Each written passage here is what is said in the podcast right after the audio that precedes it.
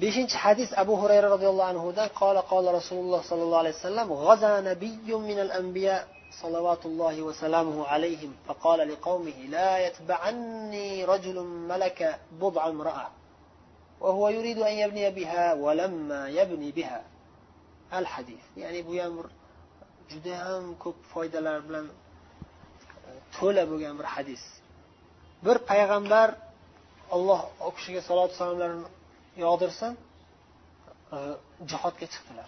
Bu ba'zi rivoyatlarda kelgan kimliklari kim? Yo'q payg'ambarlardan bir tarafa o'tgan payg'ambarlardan. Yusha yusha bin nun. Ba'zi rivoyatlarda kelgan shunday allohu alam. Shu kishi jihodga chiqdilar bir kuni. Yusha bin nun kim bo'lganlar o'zi? Muso alayhissalomni shogirdlari bo'lganlar. Shogirdlari? Muso alayhissalom hazir alayhissalomga borganlarida bitta sheriklar bo'lganku. Yusha deyishadi keyinchalik payg'ambar bo'lganlar. Muso alayhissalomdan keyin payg'ambar bo'lganlar. Va banu isroilda payg'ambar ko'p bo'lgan. Payg'ambarlar boshqarishardi deganlar. Banu isroil bizda ulamolar boshqarishadi. Va lekin ularda payg'ambarlar boshqarishardi voy payg'ambarlar hech qachon ulamolar bilan taqqoslab bo'lmaydigan darajada. Ular xato qilishmaydi. Ulamolar xato qilib qo'yishi mumkin. Lekin biza bitta olim bilan cheklanmasligimiz kerak. Bir qancha ulamolarni orqalaridan ilm qidirib yurishimiz kerak. Fatvolarni ulamolarni bitta ikkita emas qancha ko'p olimdan ilm olsangiz qancha ko'p olimdan so'rab yursangiz shuncha haqiqatga yaqin bo'lasiz. Lekin odobni esdan chiqarmang shu o'rinda ya'ni aytib o'tib ketamiz. Bir kishiga borib bir olimdan bir fatvo so'rasangiz harom dedi misol uchun. Ikkinchi olimga borib fatvo so'rasangiz joiz dedi. Palonchi harom dediku demang. U odobsizlik bo'ladi. Bu ishtihodiy masala bu kishi ishtihod qilib shuni harom deb o'ylab harom dedi. U kishi shuni ishtihod qilib harom deb e, makruh deb o'ylab makruh dedi. Harom emas dedi. Ishtihodiy falonchi olim bunaqa dediyu siz nimaga bunaqa deyapsiz desa u odobsizlik bo'ladi. Odob bilan birga dalil hujjatga binoan yurishimiz kerak. Ya'ni biz olimlarga ko'r ko'rona ergashmaymiz. Ulamolarni hurmat qilamiz ular bilan odob bilan muomala qilamiz va ularni ilmlarini olishga harakat qilaveramiz. So'rab yalinib dedilar ibn abbos. Qanday qilib buncha olim bo'lib ketdingiz ibn abbos o'zi kichkina sahobiy bo'lgansiz? Abu bakr umarlarga o'xshab ilmli bo'lib ketdingiz. Qanday qilib? desa qalbim aqlli bo'lgan tilim so'yveradigan bo'lgan. Hmm. Tilim suraverardi ya'ni olim dars bermasa dars bermas ekanda ketmasdi. So'raveradi ichidagi bekitib yotgan ilmlarni chiqarishga harakat qilaverardi. Odob bilan lekin savol suraverardi uyalmasdan ilmda uyalmaslik kerak. Ya'ni so'rasam masxara qiladi yoki so'rasam kibrlanadi yoki so'rasam u bo'ladi demasdan so'raverish kerak so'raverish kerak. Va bu yerdagi qissaga qaytamiz. Payg'ambar jihodga chiqdilar. Jihodga chiqishlarida e'lon qildilar bir qonun qoida shartlarini bayon qildilar.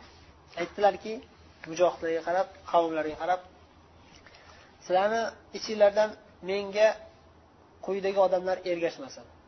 Birinchidan kim? Malaka bir ayolga uylangan odam. Ya'ni uylangan lekin hali asal oyida. Hali bino bo'lmagan ya'ni kirish nikohlab qo'ygan lekin yaqinlik bo'lmagan. Bir biriga bir birlariga yaqinlashmagan er xotinlar hali. Kuyov kelin kuyovlar. Orqamdan yurmasin jihodga chiqmasin. Nimaga desa hayoli u yoqda qolib ketadi. Kofirlar oldiga borsa voy xotinim voy kelin podshoyim zaiflashadimi? U zaiflashini ko'rsa bu kelin sababli zaiflashadi deb o'ylamaydi ko'rgan odam. Dushman kuchli ekan shekilli deb o'ylaydi. Qo'y qoch deydi qolganlar ham qochib ketib qoladi nima bo'ladi bu? Zarba bo'ladi musulmonlarga. Shuning uchun jihod maydonida urush bo'layotgan joyda qochishlik eng katta gunohlardan. Eng katta gunohlardan urush bo'lib tursa qochib ketishlik. Siz ko'rganingizni qochganingizni ko'rgan odam ikkita e, gumonga boradi. Yo amir qochishga buyuribdi deydi qochadi. Yoki dushman kuchli ekan o'lib ketar ekanman deb qochadi. Ikkalasi ham musulmonlarga nima bo'ladi? O'sha uchun ertaroqdan ertaroqdan aytyapti u kishi san qochib qolishing mumkin bir narsa bo'lishi mumkin. Hayoling qolib ketadi bu yerda kelmagin orqamizdan qolib ketavergansan o'sha yerda. Mayli sanga gunoh emas. San yangi kuyov bola ekan sanga ruxsat. Jihod qilmasdan yaxshilab to'yib olgin borib ruxsat senga. Bu degani qolib ketgan degani emas butunlay o'lguncha o'sha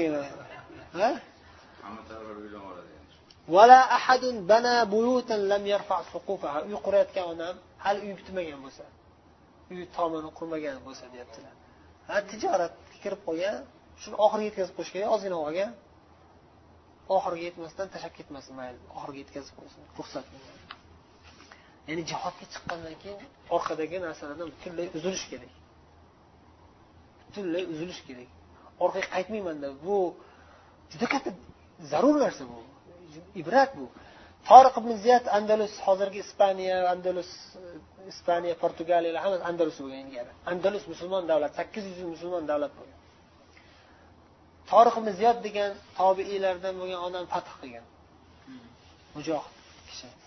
U kishi o'zi asli qul bo'lgan keyin islom kirgan keyin mujohid bo'lgan. Ba'zi qullar olim bo'lib ketishgan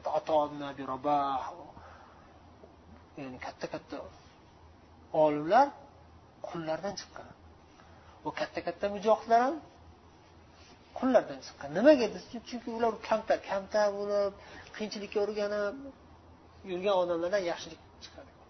Boy odamlar bola chaqasi tijoratlar bilan ovora bo'lib qoladi yoki boshqa narsalar bilan. Xullas toriq miziyat andalusni fath qilgan borganda andalus bilasizlar dengizni u yog'ida. Misr tunis jazoir liviya va hokazo kelib turib mag'rib keyin dengiz bor. Bo'g'oz bor bu yog'i andalus. Dengizdan o'tish kerak. Orada katta dengiz dahshat. To'lqinlar bo'lib turadigan darajada katta bo'g'oz ya'ni kichkina joy emas u yerda ko'prik qursa bo'ladigan emas ko'prik yo'q otliqlar bilan bostirib borib turib kema yasab kemalar bilan o'tishadi u yoqqa. Kema bilan o'tishadi.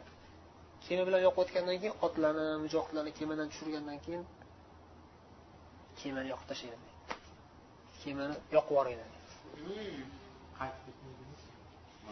nimaga desa yutqazib qo'ysak kemamiz borku deb yur qochib tur kemaga chiqib qochishlik hayolga keladi deydi. Kemani yoqib tashlaydi deydi. Butunlay bitta ham kema qolmasin. Hech kim hayoliga kelmasin qaytib ketish deydi keyin xutba qiladi xutba juma kuni jumada xutba chiqib xutba qiladi al bahru min varoikum val aduvu min amamikum. Dengiz orqanglardan qochasizlar oldinga qochadi oldinglarda dushman turibdi. Shahidlikdan boshqa narsa yo'q degan ma'noda chiroyli xutba qilib jannat kutib turibdi. Bosinglar bosib olib qo'yishadi. Fath bir necha ming askarlar bilan bir necha o'n minglab haligilarni yengib fath qo'yishadi demak jihodga chiqqandan keyin orqaga qochish degan orqaga qaytish degan narsalar bo'lmasligi kerakda shuning uchun bu kishi bu payg'ambar kuyov bo'lsa orqaga qochib qolishni o'ylaydi. Uyi bitmagan odam bo'lsa uyimni bitirishim kerak edi bola chaqam uysiz qolib ketib qoladi deb o'zi shahid bo'lib ketishga mayli desa ham bola chaqasini o'ylaydi. U bola chaqam uysiz qolib ketadi deydi. Xudo saqlasin. ولا أحد اشترى غنما أو خليفات وهو ينتظر أولادها. qo'ylari bor yoki tuya xalifat ya'ni homil tuya nimaga xalifat tuyalari bor qo'ylari bor odam yangi qo'y sotib olgan yoki tuya sotib olgan odam yaqinda qo'y tug'adigan bo'lsa yoki yaqinda tuyasi tug'adigan bo'lsa o'sha ham biz bilan yurmasin ellik sakkizinchi hadis. Abu hurayra roziyallohu anhudan قال قال رسول الله صلى الله عليه وسلم غزا نبي من الأنبياء صلوات الله وسلامه عليهم فقال لقومه لا يتبعني رجل ملك بضع امرأة وهو يريد أن يبني بها ولما يبني بها. الحديث.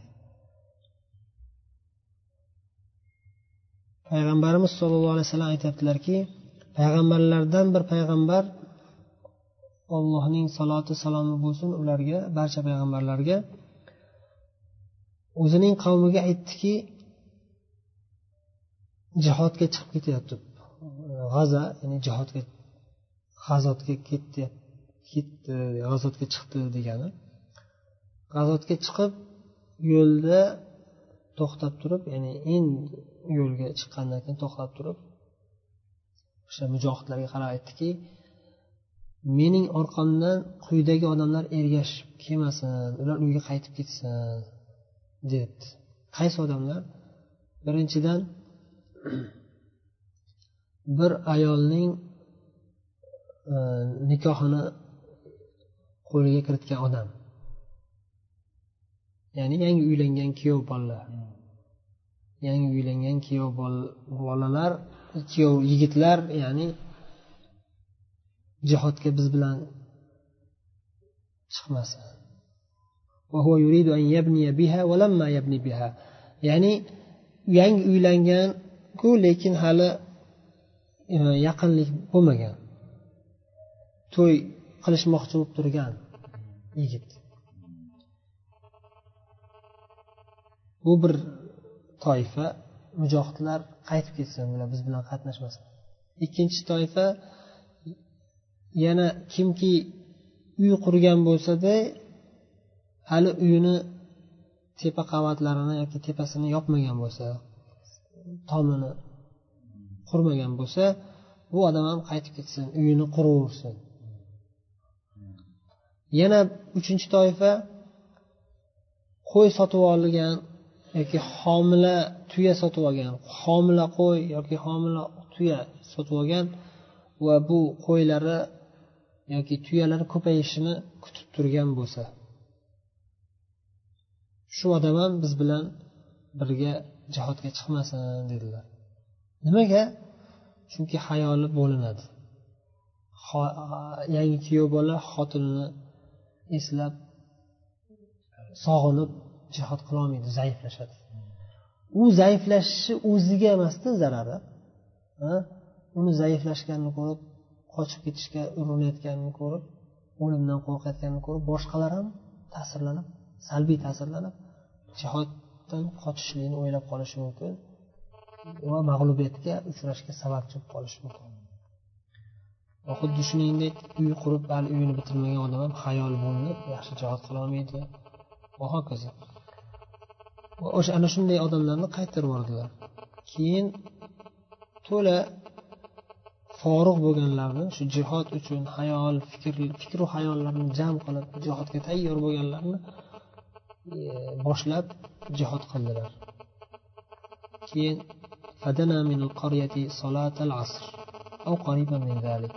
kofirlarning qishlog'iga yetib bordilar yaqinlashdilar. Qachon? Asr namoziga yaqin yoki asrga yaqin qolgan vaqtga yetib bordilar. Qarasalar quyosh botadigan tomonga qarab botyaptimi quyoshga qarab aytdilarki innaki ma'mura sen sen buyurilgan bir maxluqsan. Ya'ni senga buyurilgan botish botishlik shu yo'lingda davom etib botasan. Quyoshga aytyaptilar. Va ana ma'mur men ham o'z vazifamga buyurilganman ya'ni jihod qilishga buyurilganman. Lekin qorong'i tushib qolsa jihod qilolmay qoladilar. Shuni o'ylayaptilarda alayna. Ey olloh mana shu quyoshni biz uchun to'xtatib turgin dedilar. To'xtatib qo'yildi. Quyosh o'sha joyda asr vaqtida to'xtatib qo'yildi. Hatta fatahalloh alayhi urush bo'lib jang bo'lib g'olib bo'lib fath qilishdi. Qishloqni shu vaqtgacha quyosh to'xtab turdi. Keyin g'animalarni to'pladilar. Urush bo'lgandan keyin kofirlar yengilgandan keyin kofirlarni mol mulklari to'plandi.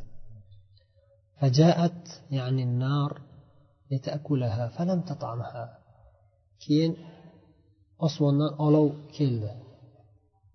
Ana shu g'animalarni kuydirib yo'q qilib yuborish uchun. Yeb yuborish uchun yo'q qilib yuborish uchun. Chunki u ummatda bizdan oldingi ummatlarda jihoddan tushgan g'animalar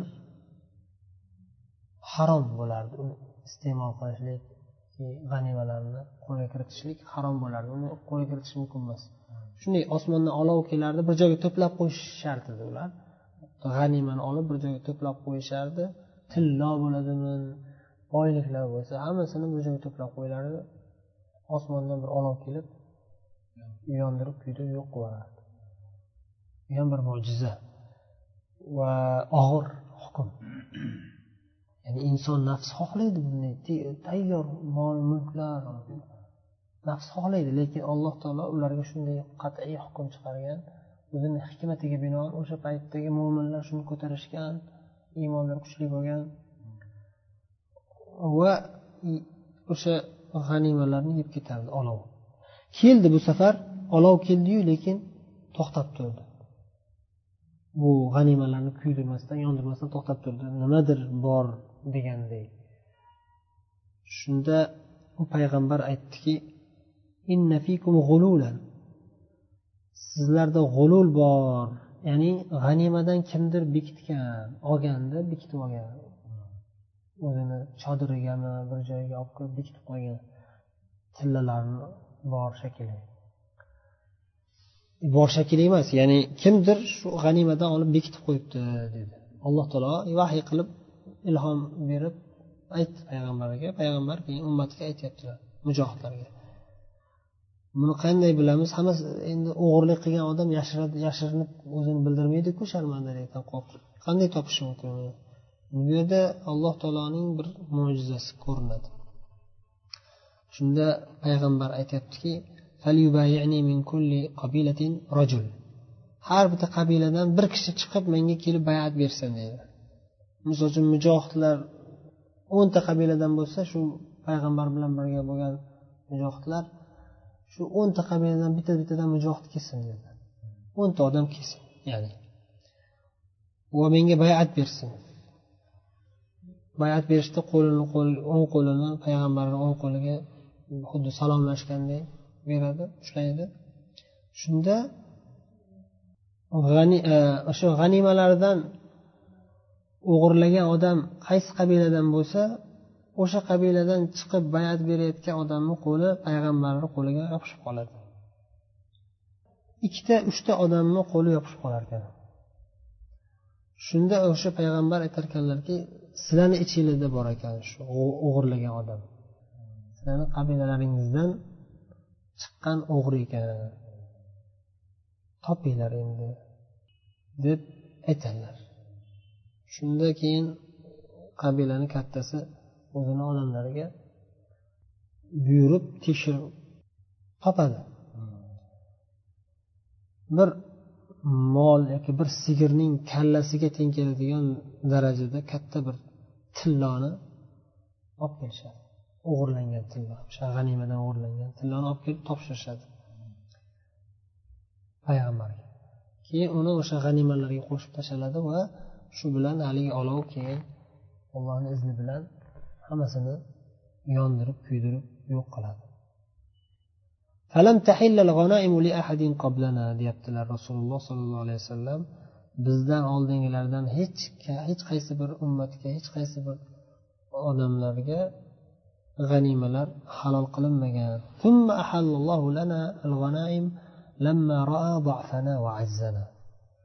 So'ng alloh taolo bizga g'animalarni halol qilib berdiki bizning zaifligimizni ojizligimizni bilganligi uchun alloh taolo bizga g'animalarni halol qilib berdi.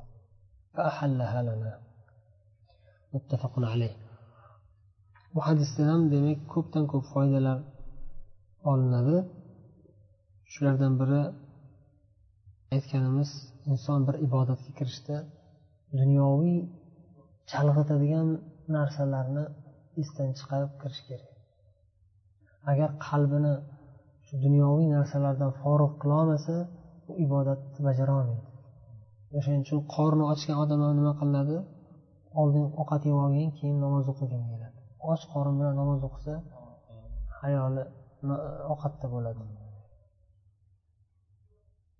Va xuddi shuningdek tahoratxonaga hojatxonaga borgisi kelib turgan odam ham avval tahoratxonaga hojatxonaga borib hojatini bo'shatib keyin tahorat qilib keyin namoz o'qisin deyiladi.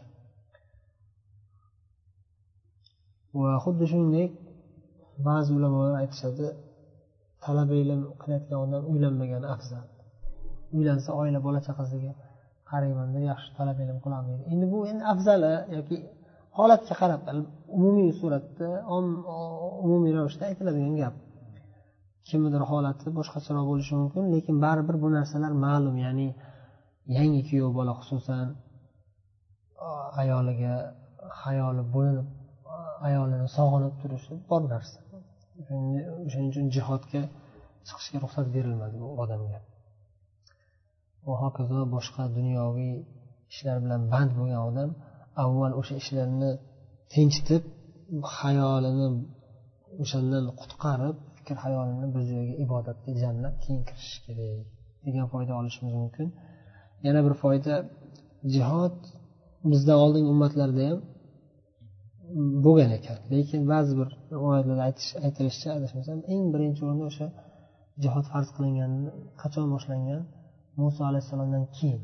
Muso alayhissalom fir'avnga qarshi jihod qilishga buyurilmaganlar. Fir'avn qancha zulm qilsa ham sabrga chaqirilgan. Va alloh taolo o'zi fir'avnni g'arq qildirib cho'ktirib tashlagunga qadar. Undan oldingi ummatlarda ham hud qavmi yoki solih alayhissalom qavmi yoki nuh alayhissalomda ulardan oldinroq o'sha o'tgan ummatlar davrida jihod borligi aytilmagan jihod haqida gap kelmagan qissalarda payg'ambarlarni qissalarida oyatlarida kelgani alloh taolo payg'ambarni oxiri qutqarish uchun kofirlarga azob yuborardi kofirlar halok qilib yuborilardi keyin musulmonlar g'olib bo'lib islomiy jamiyat aziz mukarram bo'lib yashardi. Yana odamlar dindan uzoqlashib sekin sekin yana yangitdan adashib odamlar yana kofir bo'lib ketib qoladiganlar chiqardi. Fisq fasod tarqaganda yana olloh payg'ambar yuborib yana alloh taolo hikmatli va rahmli zot hayot shunday o'tib kelgan. To muso alayhissalom davrlarigacha keyin muso alayhissalom o'tib ketganlaridan keyin yusha bin nun degan o'zlarini shogirdlari muso alayhissalom shogirdlari va payg'ambar bo'lgan va shu kishi davrida olloh jihodga buyurgan jihod qilingan. O'zi aslida u kishidan oldin buyurilgan. Muso alayhissalom davrida fir'avn halok qilingandan keyin baytul maqdis fath qilishga buyurilganda yahudlar qo'rqoqlik qilishgan. Sen o'zing va robbing bilan birga borib jang qilinglar. Biz shu yerda o'tirib turamiz. Tayyor go'sht tayyor ovqat bo'lsa yeymiz degan dangasalar qo'rqoqlik qilishgan shu qo'rqoqlik qilishganliklari uchun alloh taolo ularni nima qildi? Jazoladi qirq yilgacha baytul maqdis ularga harom qilindi. Qirq yil. Ya'ni yangi avlod chiqib va sahroda adashib yurishadi. Qirq yilgacha sahroda adashib yurishadi. Alloh alloh taolo jazolab ularni adashtiradi. Shu asnoda muso alayhissalom o'tib ketadilar. Vafot qiladilar. Yangi avlod yusha ibn nun boshchiliklarida keyin borib fath qilishadi baytul maqdis jihod qilib. Shundan keyin boshlangan jihod shariat. Jihodni shariat qilib berish jihodni farz qilish. Shundan keyin boshlangan lekin jihod birdaniga farz bo'lmaydi. Avval tinch yo'llar chiroyli uslubdagi da'vatlar bilan boshlanadi. Islomga da'vat qilish tavhidga da'vat qilish. Avvalgi ummatlarda ham shunday bo'lgan. Jihod eng oxirgi chora eng oxirgi vasila. Yana bu yerdagi e, hadisda keyin zikr qilingan ibratlardan alloh taoloning qudrati cheksizligi payg'ambar duo qildi quyosh to'xtatib qo'ygin ey olloh deb. Quyosh to'xtab qoldi. Yana shu hadisdan oladigan foydalarimizdan alloh taolo bizga bizni ummatga payg'ambarimiz sallallohu alayhi vasallam ummatlariga marhamati kengligi g'animalarni bizga halol qilganligi tasavvur qiling agar g'animalar halol qilib berilmasa juda qiyin bo'lardi bo'lib ham bizni zaifmiz o'zimiz iymoniy oldimizda bir ozgina pul tursa ham o'shani qo'lga kiritmagunimizcha nafsimiz qo'ymaydi. Alloh taolo alhamdulillah bizga rahm kelib rahm qilib bizga g'animalarni halol qilib beradi. Balki halollarning ichida eng haloli bu. Eng yaxshi halol e, rizq jihodda kofirlarni qatl qilib jihod qilib qo'lga kiritilgan g'anima eng afzal. O'sha halol eng haloli shu. Qolganlar ham halol ya'ni tijoratdan kelgan tirikchilikdan kelgan boyliklar ham halol. Zakotini berib turilsa halol bo'ladi. Halol mehnat bilan topilgan pul halol bo'ladi lekin jihod bilan topilgan g'animalar eng haloli bo'ladi eng afzali bo'ladi. Yana foydalardan biri sufiylarga raddiya payg'ambarlar g'ayb ilmini bilishmasligi. Sufiylar g'ayb ilmini biladi payg'ambarlar bilishadi deyishadi. Bu demak chuqur ketish payg'ambarni xuddiki alloh taoloni sifatlari bilan sifatlash alloh taolodan boshqa hech kim bilmaydi g'ayb ilmini. Buni qayerdan o'rgandik? Haligi payg'ambar kim o'g'irlaganini bilmadi. G'animadan. To o'sha alloh taolo o'zi bir mo'jiza ko'rsatdi. O'shandan keyin bilishdi.